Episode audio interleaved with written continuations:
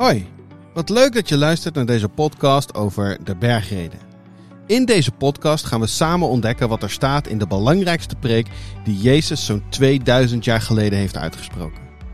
Wat de bergreden zo bijzonder maakt, is dat dit een hele beknopte samenvatting is van het belangrijkste onderwijs dat Jezus heeft gegeven. En dat deze eeuwenoude tekst ook enorm veel te zeggen heeft over ons leven. Dit is aflevering 4 en we lezen Matthäus 6, vers 1 tot 18. Let op dat jullie de gerechtigheid niet beoefenen voor de ogen van de mensen, alleen om door hen gezien te worden. Dan beloont jullie Vader in de hemel je niet. Dus wanneer je aalmoezen geeft, bazuin dat dan niet rond, zoals de huigelaars doen in de synagogen en op straat om door de mensen geprezen te worden. Ik verzeker jullie, zij hebben hun loon al ontvangen. Maar als je aalmoezen geeft, laat dan je linkerhand niet weten wat je rechterhand doet. Zo blijft je aalmoes in het verborgene en jullie vader die in het verborgene ziet, zal je ervoor belonen. En wanneer jullie bidden, doe dan niet als de huigelaars die graag in de synagoge en op elke straathoek staan te bidden, zodat iedereen hen ziet. Ik verzeker jullie, zij hebben hun loon al ontvangen. Maar als jullie bidden, trek je dan in je huis terug. Sluit de deur en bid tot je vader die in het verborgene is. En jullie vader die in het verborgene ziet, zal je ervoor belonen. Bij het bidden moeten jullie niet eindeloos voortprevelen zoals de heidenen, die denken dat ze door een overvloed aan woorden verhoord zullen worden. Doe hen niet na. Jullie vader weet immers wat jullie nodig hebben, nog voor jullie het hem vragen. Bid daarom als volgt. Onze Vader in de hemel. Laat uw naam geheiligd worden. Laat uw koninkrijk komen en uw wil gedaan worden op aarde zoals in de hemel. Geef ons vandaag het brood dat wij nodig hebben. Vergeef ons onze schulden, zoals ook wij hebben vergeven wie ons iets schuldig was. En breng ons niet in beproeving, maar red ons uit de greep van het kwaad. Want als jullie anderen hun misstappen vergeven, zal jullie hemelse Vader ook jullie vergeven. Maar als je anderen niet vergeeft, zal jullie Vader jullie je misstappen evenmin vergeven. Wanneer jullie vasten, zet dan niet zo'n somber gezicht als de huigelaars op. Want zij doen dat om iedereen te laten zien dat ze aan het vasten zijn. Ik verzeker jullie, zij hebben hun loon al ontvangen. Maar als jullie vasten, was dan je gezicht en wrijf je hoofd in met olie, zodat niemand ziet dat je aan het vasten bent, alleen je Vader die in het verborgene is. En jullie Vader die in het verborgene ziet, zal je ervoor belonen. We zijn inmiddels aangekomen bij het tweede deel van de bergreden. Het eerste deel hebben we de vorige aflevering afgesloten. En toen hebben we ontdekt dat dat hele eerste deel eigenlijk vooral gericht is op de relatie met andere mensen. En in dat eerste deel kwamen een aantal dingen voorbij waarvan je het gevoel zou kunnen krijgen: oeh, ik doe het niet goed. En dat is misschien wel een spannend gevoel en daar schrik je misschien wel even van, maar tegelijkertijd mochten we ontdekken dat Jezus dat aan ons leert, niet om ons daarmee te veroordelen, maar juist om daarmee te laten zien dat we Hem en het offer dat Hij gebracht heeft, dat we dat nodig hebben. En dus is het eigenlijk een, een soort spiegel voor ons. En mogen we erin kijken, tot de ontdekking komen, we schieten tekort als we willen horen bij het Koninkrijk van God. En tegelijkertijd mogen we weten dat Jezus vanuit de hemel naar de aarde gekomen is om ons daarin tegemoet te komen. En als we dan zo dit tweede deel inrollen, dan zien we meteen dat Jezus de focus verlegt. Daar waar het in het eerste deel ging om de verbinding tussen mensen onderling, legt hij nu heel duidelijk de focus naar God de Vader. Hij zegt ook: Let erop dat jullie de gerechtigheid niet beoefenen voor de ogen van de mensen, alleen om door hen gezien te worden. Nee, waar het om gaat is dat we onze focus niet hebben op de mensen om daar erkenning en waardering voor te krijgen, maar dat we het doen voor onze Vader die in het verborgene is en in het verborgene ziet. En daarin raakt Jezus drie thema's aan. Hij raakt het thema geld aan, het thema bidden en het thema vasten. En dat was in die tijd, maar ik denk ook voor onze tijd, zijn dat thema's die relevant zijn. Misschien is vasten wat op de achtergrond geraakt van onze geloofsbeleving. Maar zeker geld en bidden, dat zijn dingen waar we zeker nog wel mee bezig zijn. En daarvan zegt Jezus: het is, het is belangrijk dat jullie daarmee niet omgaan om door anderen gezien te worden, maar het is belangrijk dat je het terugbrengt naar daar waar het om gaat. En daar waar het om gaat, dat is de verbinding met de Vader. Want op het moment dat we ons geld weggeven, dan doen we dat niet alleen maar zodat die ander geld heeft, maar dan doen we dat ook om aan onszelf en aan God te laten zien ik zit niet vast aan mijn geld. Ik geef juist geld weg om daarmee ruimte te maken voor God. Om nog meer zeggenschap in mijn leven te krijgen. En datzelfde geldt misschien wel een beetje voor het bidden. We kunnen bidden in, in groepen en dan kunnen we hardop bidden. En als je dit leest, dan zou je bijna kunnen denken dat Jezus geen voorstander is van hardop bidden. Maar tegelijkertijd weten we uit het leven van Jezus dat het voor hem heel normaal was om hardop te bidden. Maar als je wel eens hardop bidt, dan herken je het misschien wel. Dat als je aan het bidden bent, dat je veel meer bezig bent met de mensen die om je heen zitten. Hoe zou het op hun overkomen? Wat gaan zij horen? Wat vinden zij hiervan? Terwijl Jezus zegt, dat, dat is niet waar bidden over gaat. Bidden gaat juist over het verbinden van jouw hart met het hart van de Vader. Daarom is het veel beter om je terug te trekken in je binnenkamer. En daar in je binnenkamer, waar je alleen bent met God. En, het, en dus zeker weet dat je het niet doet om op te vallen voor andere mensen. Daar mag je praten tegen God. Daar mag je hem je vader noemen. En daar vindt echte hartsverbinding plaats. En datzelfde principe trekt Jezus door naar het vasten. als je het alleen maar zou doen zodat mensen naar je opkijken, ja, succes, ja, sterkte. Doe dat dan vooral, want dan ga je ook de erkenning en waardering daar waarschijnlijk voor krijgen die je zo graag wil. Maar als je vasten gebruikt waar het voor bedoeld is, dan wordt het zoveel rijker. Want dan is het in staat om jouw hart steviger te verankeren in het hart van de Vader. En als we zo over deze thema's praten en we ontdekken dat het Jezus er vooral heel erg om te doen is dat we dat we een diepere verbinding met de Vader krijgen, dan kunnen we daarin ook ontdekken dat het Jezus niet per se om ons gedrag te doen is, dat hij ook niet aan het sturen is op ons gedrag, maar dat hij juist veel meer op het sturen is op intimiteit. En dat is best vreemd eigenlijk, hè? want als je naar een, naar een preek luistert op zondag, als je wel eens naar mijn preek luistert, zal het, zal het ongetwijfeld ook gebeuren dan krijg je iedere keer aanwijzingen die je sturen op je gedrag. En soms is dat ook wel even nodig. Je mag ook wel wat gedrag aanpassen om uiteindelijk tot een diepere intimiteit te komen. Maar wat Jezus hier volgens mij heel bewust doet, is dat hij ons wil laten zien dat op het moment dat we op intimiteit sturen, dat er op een veel dieper level iets verandert. Dus op het moment dat we niet zozeer gericht zijn op ons gedrag, maar veel meer gericht zijn op onze intimiteit met God, dan verandert er van binnen iets. En ons gedrag is aan de buitenkant, maar er mag iets aan de binnenkant veranderen. En dan ontdekken we ook dat op het moment dat we de intimiteit met God zoeken, dan wordt daarmee onze identiteit versterkt. En juist onze identiteit geeft vorm aan ons gedrag.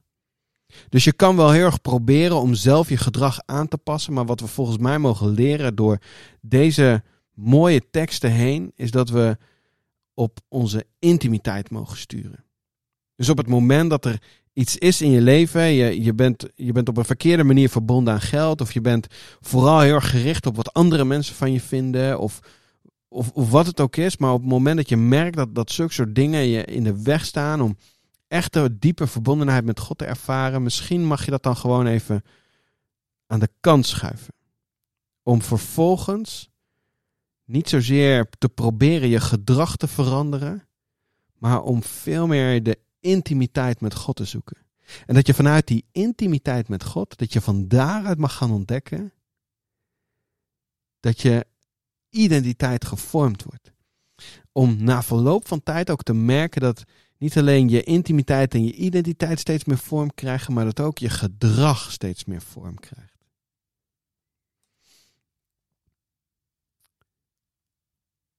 Dan leert Jezus ons dat belangrijke gebed. Dat we daar ook heel goed voor kunnen gebruiken. Dat gebed waarmee we leren hoe we ons tot God en de mensen om ons heen mogen verhouden. En ook hoe we juist vanuit eenvoud God mogen benaderen. We hebben geen omhaal van woorden nodig, zegt Jezus. Maar juist een eenvoudig gebed met hele diepe lagen.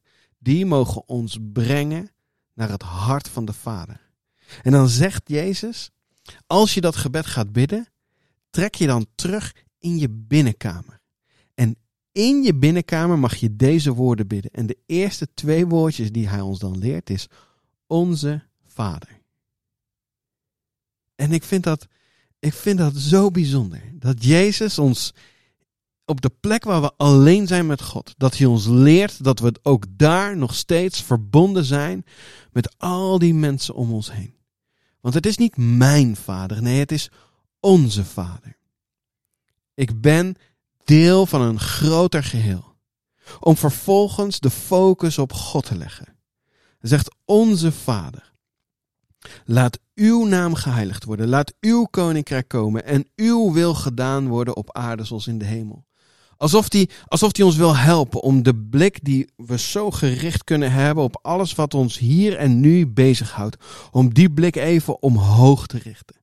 En te kijken naar God. Dat we, dat we even onze focus scherp mogen stellen op God zelf. En dat we niet zozeer bezig zijn met alles wat er op dit moment om ons heen speelt, maar dat we even gericht mogen zijn op God. En dan, vanuit die focus, mogen we weten dat er voor onszelf ook genoeg ruimte is bij God. Want vervolgens mogen we ook vragen: geef ons vandaag het brood dat we nodig hebben. Vergeef ons onze schulden en breng ons niet in beproeving. Er is nog steeds, ook met onze focus op God, misschien wel juist met onze focus op God, is er ontzettend veel ruimte voor onze nood. Maar nog steeds gaat het niet alleen maar om mijn nood, maar gaat het ook om de nood van de mensen om mij heen. En ik denk dat het wel belangrijk is om nog even wat extra aandacht te geven aan dat ene korte zinnetje wat zoveel verwarring kan geven. Vergeef ons onze schulden, zoals ook wij hebben vergeven wie ons iets schuldig was. Om dit zinnetje goed te begrijpen, denk ik dat het belangrijk is dat we ons realiseren dat de nieuwe Bijbelvertaling hier misschien net een stapje te ver gegaan is in het vertalen. Want als je terug gaat kijken naar wat we hebben van de grondtekst, dan is het niet logisch om te denken dat het woordje hebben daar ook een plek in zou moeten hebben. En dan, als we dat woordje eruit halen, dan zien we ook dat er ineens meer ruimte ontstaat, dat er ineens meer lucht in komt. Vergeef ons onze schulden zoals ook wij vergeven wie ons iets schuldig was. Daarmee gaat het er dus niet zozeer om dat het al een afgerond proces is, maar dat er bij Jezus ruimte is voor dat proces. Want het is niet zo dat het vergeven hebben, dat dat de enige voorwaarde is voor het ontvangen van de genade van God. Maar waar het om gaat is dat Jezus ons in een, in een proces wil begeleiden. Waarin de ander die ons iets schuldig is, ruimte inneemt in ons hart. En hij wil ons leren dat we die ruimte mogen loslaten en mogen toevertrouwen aan God. En dan kan, je, dan kan je denken dat het misschien altijd maar heel snel en heel makkelijk zou moeten. En tegelijkertijd weten we vanuit de praktijk dat het zo gewoon niet werkt. En dat het heel vaak ook niet eens eerlijk is om dat te verwachten omdat er heel veel situaties zijn die zo groot en zo heftig zijn dat het niet eerlijk is om te verwachten dat we zomaar er overheen stappen en zeggen: Oké, ik vergeef het je. Ik denk dat er ook vanuit Jezus heel erg veel ruimte is om zo'n proces te bewandelen. En hoe ziet zo'n proces er dan uit? Nou, allereerst denk ik dat het belangrijk is dat je in dat als je in, nog in die situatie zit waarin er onrecht wordt aangedaan, waarin jouw pijn wordt aangedaan, dat je mag weten dat je uit die situatie mag stappen. En dat het ook belangrijk is om tot vergeving over te gaan, om uit die situatie te zijn. En op het moment dat je dan uit die situatie bent, dan is het belangrijk om eerst maar eens boos te zijn over het onrecht dat jou is aangedaan. En niet alleen boos te zijn over het onrecht, maar ook verdriet te hebben om het verlies dat, je, dat, dat door de ontstaande situatie gegeven is. Dus je hebt, je hebt iets verloren. In, in, in de situatie waarin je zit, waarin, je, waarin iemand anders jou iets schuldig is, daarin ben je iets verloren. En dat kan, dat kan van alles zijn, maar er mag ruimte zijn in het proces om, om te rouwen over het verlies dat je hebt. Dus het is belangrijk om uit de situatie te zijn, om boos te zijn over het onrecht, om, om verdriet te hebben over het verlies, voordat je kunt overgaan tot de keus om te gaan vergeven. Dus nog niet eens het daadwerkelijke vergeven, maar gewoon de keus te maken. Oké, ik denk dat ik ga vergeven. Om dan vervolgens uiteindelijk ook tot die vergeving over te gaan.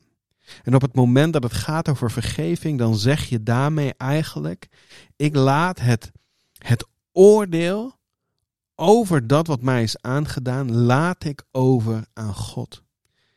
Ik draag dat die persoon niet langer na, maar ik laat het oordeel erover aan God.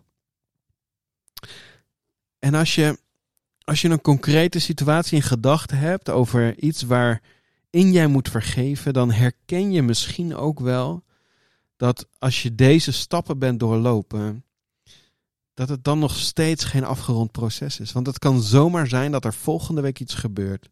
Dat je iets hoort, dat iemand iets zegt, dat je, dat je ergens aan denkt, dat er iets gebeurt of wat dan ook. En je zit ineens weer in, in, in die boosheid. Of je zit ineens weer in dat verdriet omdat, omdat wat je verloren bent. En je merkt, ik, ik, ik, ik heb het nodig om opnieuw door dat proces heen te gaan. En wat ik zo bijzonder vind aan Jezus, is dat hij zegt, in dat proces van vergeven, daarin wil ik erbij zijn. Ik wil met jou meelopen in het proces van vergeving. Ik wil samen met jou boos zijn over het onrecht dat je is aangedaan. Ik wil samen met jou verdriet hebben om dat wat je bent verloren. Ik wil je stimuleren in de keuze om te gaan vergeven. En op het moment dat je gaat vergeven, wil ik je daarmee helpen. En op deze manier is het niet een, een wet die van bovenaf opgelegd wordt, waarin de verwachting is dat jij als, als, als, als onderdaan maar je best gaat doen om, om weer op te klimmen naar dat niveau. Maar het is Jezus zelf die vanuit de hemel neerdaalt, naast je komt zitten en je uitnodigt om steeds ietsjes dichterbij het hart van de Vader te komen. Stapje voor stapje nodigt Jezus je uit om met Hem mee te gaan. Onze Vader die dichtbij is, onze Redder, onze God. Wij aanbieden, U bent heilig, bouw uw koninkrijk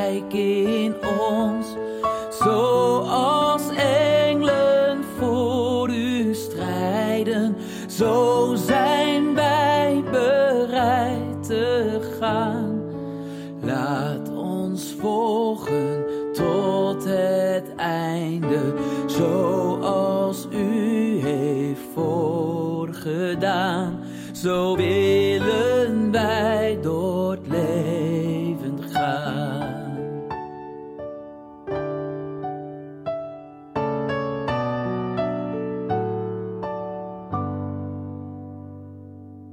Onze Vader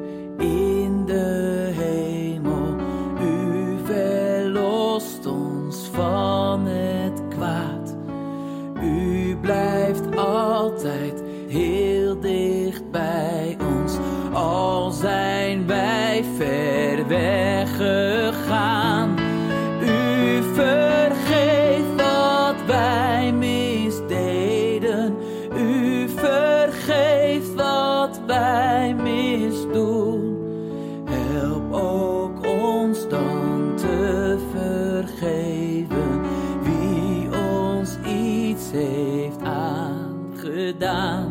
Zo willen wij door het leven.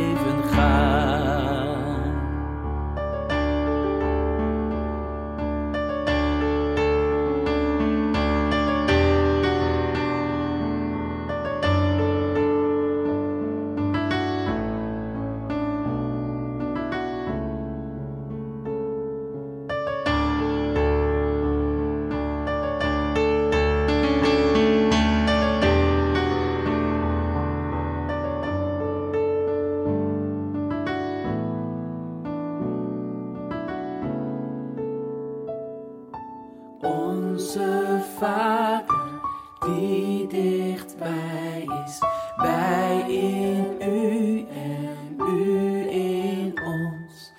Laat uw licht door ons heen schijnen, dat uw liefde zichtbaar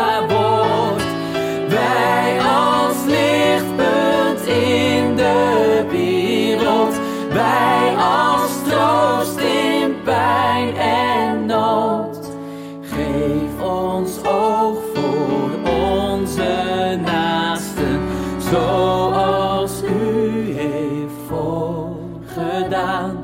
Zo willen wij door het leven gaan. Onze Vader in de hemel. Laat uw naam geheiligd worden. Laat uw koninkrijk komen en uw wil gedaan worden op aarde zoals in de hemel. Geef ons vandaag het brood dat wij nodig hebben. Vergeef ons onze schulden zoals ook wij vergeven wie ons iets schuldig was. En breng ons niet in beproeving, maar red ons uit de greep van het kwaad. Want aan u behoort het koningschap, de macht en de majesteit, tot in eeuwigheid. Amen. Dankjewel voor het luisteren. En ik hoop dat je ervan genoten hebt, dat je er wat aan hebt, dat het je helpt om in een diepere verbinding te komen met Vader, Zoon en Heilige Geest. En hopelijk tot de volgende keer.